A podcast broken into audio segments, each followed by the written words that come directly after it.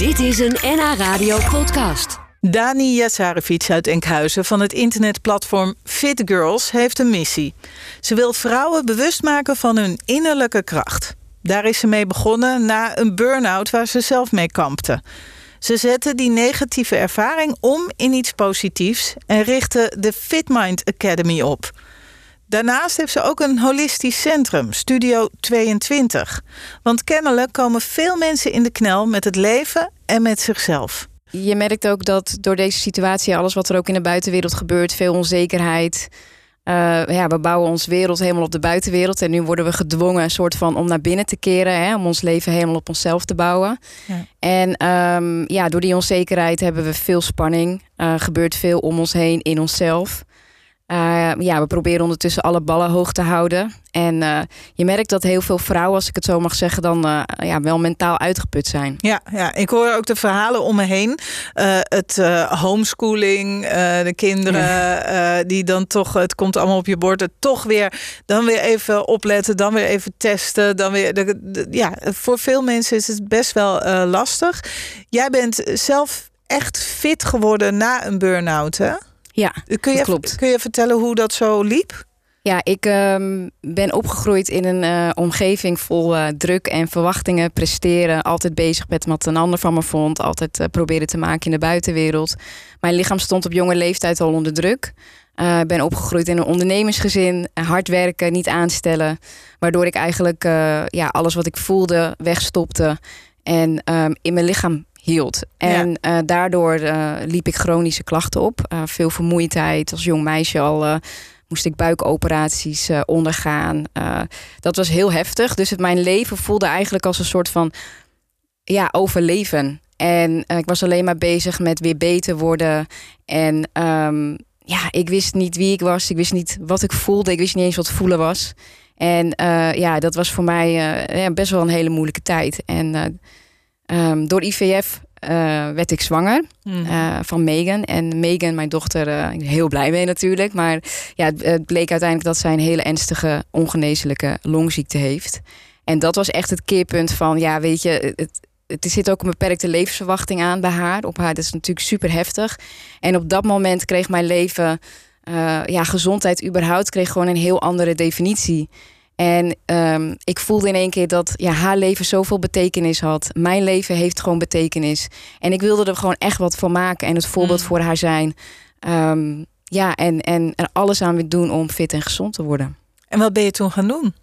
Ik ben allereerst gaan focussen op wel, toch wel op, eh, op, uh, op training en op voeding. En ik kom uit de horeca en uh, passie, voeding is ook wel een passie van mij. Dus dat was een beetje de superfood tijd toen al dat gezonde en bewuste voeding allemaal een beetje in de media kwam. dus ik ben met die hele hype meegegaan en ik kreeg een passie voor persoonlijke groei vooral. En dat was ook het moment dat ik heel veel andere vrouwen zag struggelen met dezelfde problemen. Hè? Met hun energie, met zelfbeeld, met keuzes maken, prioriteiten stellen. En toen dacht ik, ja, dit is het. Hier wil ik het verschil in maken. En dit is wat zoveel vrouwen nodig hebben. En ook om het voorbeeld te zijn voor onze kinderen. Want er zijn, kinderen zijn, zijn overprikkeld en gevoelig. En Um, dat is ook zeg maar wat wij, wat ze van ons overnemen. Dus het wordt gewoon tijd om daar uh, het verschil in te maken. Ja. En wat, wat, is, wat is het dan volgens jou? Want het zijn dan eigenlijk uh, voornamelijk vrouwen. Is dat, dat omdat vrouwen toch nog een uh, groot deel van de zorgtaken op zich nemen? Of, Ja, het is 100 procent. Het is en, en, en. Mm. We willen alles doen. En we willen alles goed doen en we vinden alles belangrijk. Ja. Dus dat betekent dat we de lat zo hoog voor ons leggen. En dan is het eigenlijk bijna niet te doen om um, alles perfect te willen doen. En om alles uh, op de manier te doen zoals we het willen doen. Maar het is ook zo dat veel vrouwen leven in hun hoofd, waardoor ze geen verbinding hebben met hun lichaam. Dat betekent dat je niet voelt wat je nodig hebt. Mm -hmm. Dus je hoofd die wil eigenlijk alleen maar dat je te doel afkomt, waardoor je um, um, energielekken krijgt. Omdat je niet oplaat, je ontlaat niet van spanningen, je uh, laat je gevoelens niet toe. En dat slaat zich allemaal op in je lichaam met alle gevolgen van dien. Hier kunnen dus mentale, fysieke en emotionele klachten van ontstaan. Ja, en op de langere termijn, ja, komt daar dus een, uh, kan daar dus een burn-out van uh, ontstaan. Wat is het eerste waar jij mee aan de slag gaat als vrouwen zich bij jou melden? Ja, dat is, een, dat is een hele goede vraag. Want dat is ook wel gelijk mijn nummer één tip, zeg maar. Is mm. ehm, ehm, dat ze uit hun hoofd komen. En dat klinkt een beetje vaag, dat begrijp ik. Maar het is eigenlijk van denken naar voelen omdat je wilt met je lichaam samenwerken om te voelen wat je nodig hebt. Om vertrouwen te krijgen, om ontspannen door het leven te gaan. En dat kan niet als je uh, mentaal vol zit. Je kan niet met een mentaal vol hoofd patronen doorbreken. En als je alleen in je hoofd leeft, dan kan je ook niet loskomen van je gedachten, van je gevoelens. Of ja, een soort van, um, van bepaalde situaties. En ik denk het verschil met mannen en vrouwen is dat. Um, ik denk zeker dat mannen ook dit dit ervaren. Maar mannen kunnen wel iets makkelijker loslaten en uh, focussen op één ding of op een paar dingen en dat gewoon doen. En uh, vrouwen die, die voelen zich mega verantwoordelijk. Enerzijds is dat onze kracht, mm. anderzijds is dat wel een hele grote valkuil. Nou, is de, in die tijd dat jij je hierin ging interesseren, was ook de opkomst van de sociale media. Dus uh, jij hebt uh, sowieso de sociale media als platform. Wat doe je nog meer? Ja, wij, hebben, wij geven online en offline doen wij um, um, geven we coaching. Dus dat kan één op één zijn of dat kan in een grote groep zijn. Uh, of we organiseren retreats, one-day retreats. Dan gaan we echt met die vrouwen de diepte in en maken we ze los van spanningen, van emoties. Ze kunnen zich even heerlijk overgeven aan hun lichaam. En ook leren om dit in hun dagelijks leven toe te passen. En um, ja, dat is wel hetgeen waar ik me over het algemeen op, op focus. En we proberen ook wel een beetje wat taboes te doorbreken op uh, social media. Um, Dani, uh, um, jij haalt er natuurlijk. We hadden het gisteren namelijk heel erg over zingeving in dit programma. En daar moet ik nu natuurlijk weer helemaal aan denken. Jij haalt er natuurlijk voor jezelf ook echt iets uit om andere mensen te kunnen helpen. Hè? Ja, ik denk dat het mooiste is van het leven is als je um, het leven gaat om geven. Want als je mhm. kan geven, dan kan je ontvangen. En als je ontvangt en je geeft, dan voel je een soort van diepe vervulling in jezelf. En ik denk dat met alles wat we meemaken, uh, de good en de bad, donker en het licht, um, kunnen we creëren. Kunnen we, daar kunnen we iets van maken. Daar kunnen we mhm. uit geven. Um, en dat is wat ik wel gevonden heb met alles wat ik mee heb gemaakt als klein meisje. En ja, ook uh, in mijn leven nu met mijn dochter.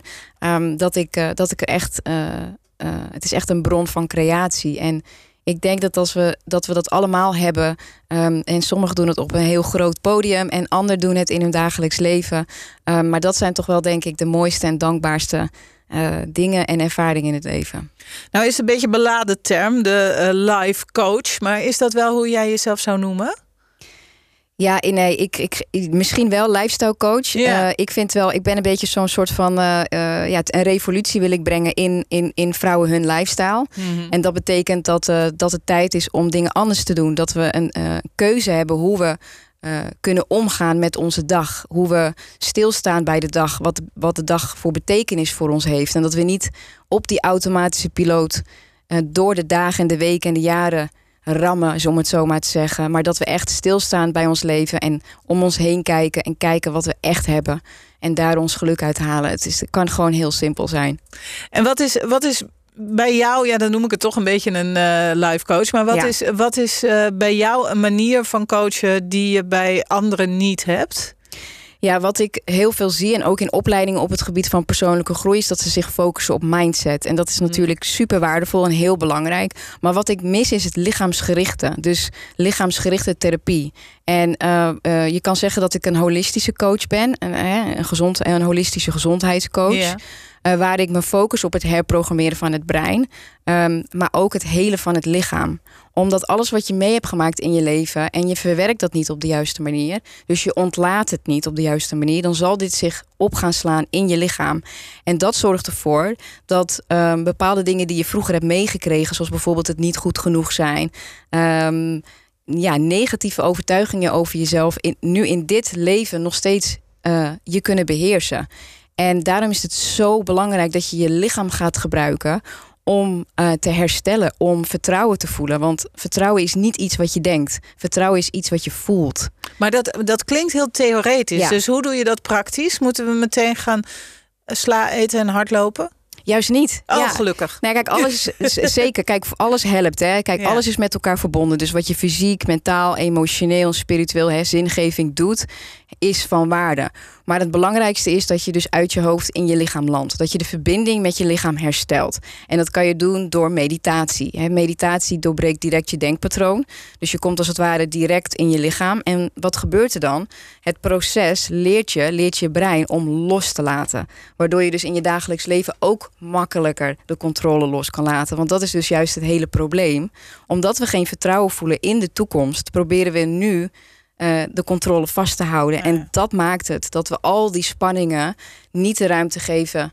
eh, om te ontladen, omdat we veel te weinig volledig ontspannen. En dan bedoel ik dus niet je telefoon of Netflix, want dat is ook prikkels. Dat heeft ook effect op ons systeem, op ons energiesysteem. Maar echt volledig overgeven aan je lichaam door bijvoorbeeld meditatie.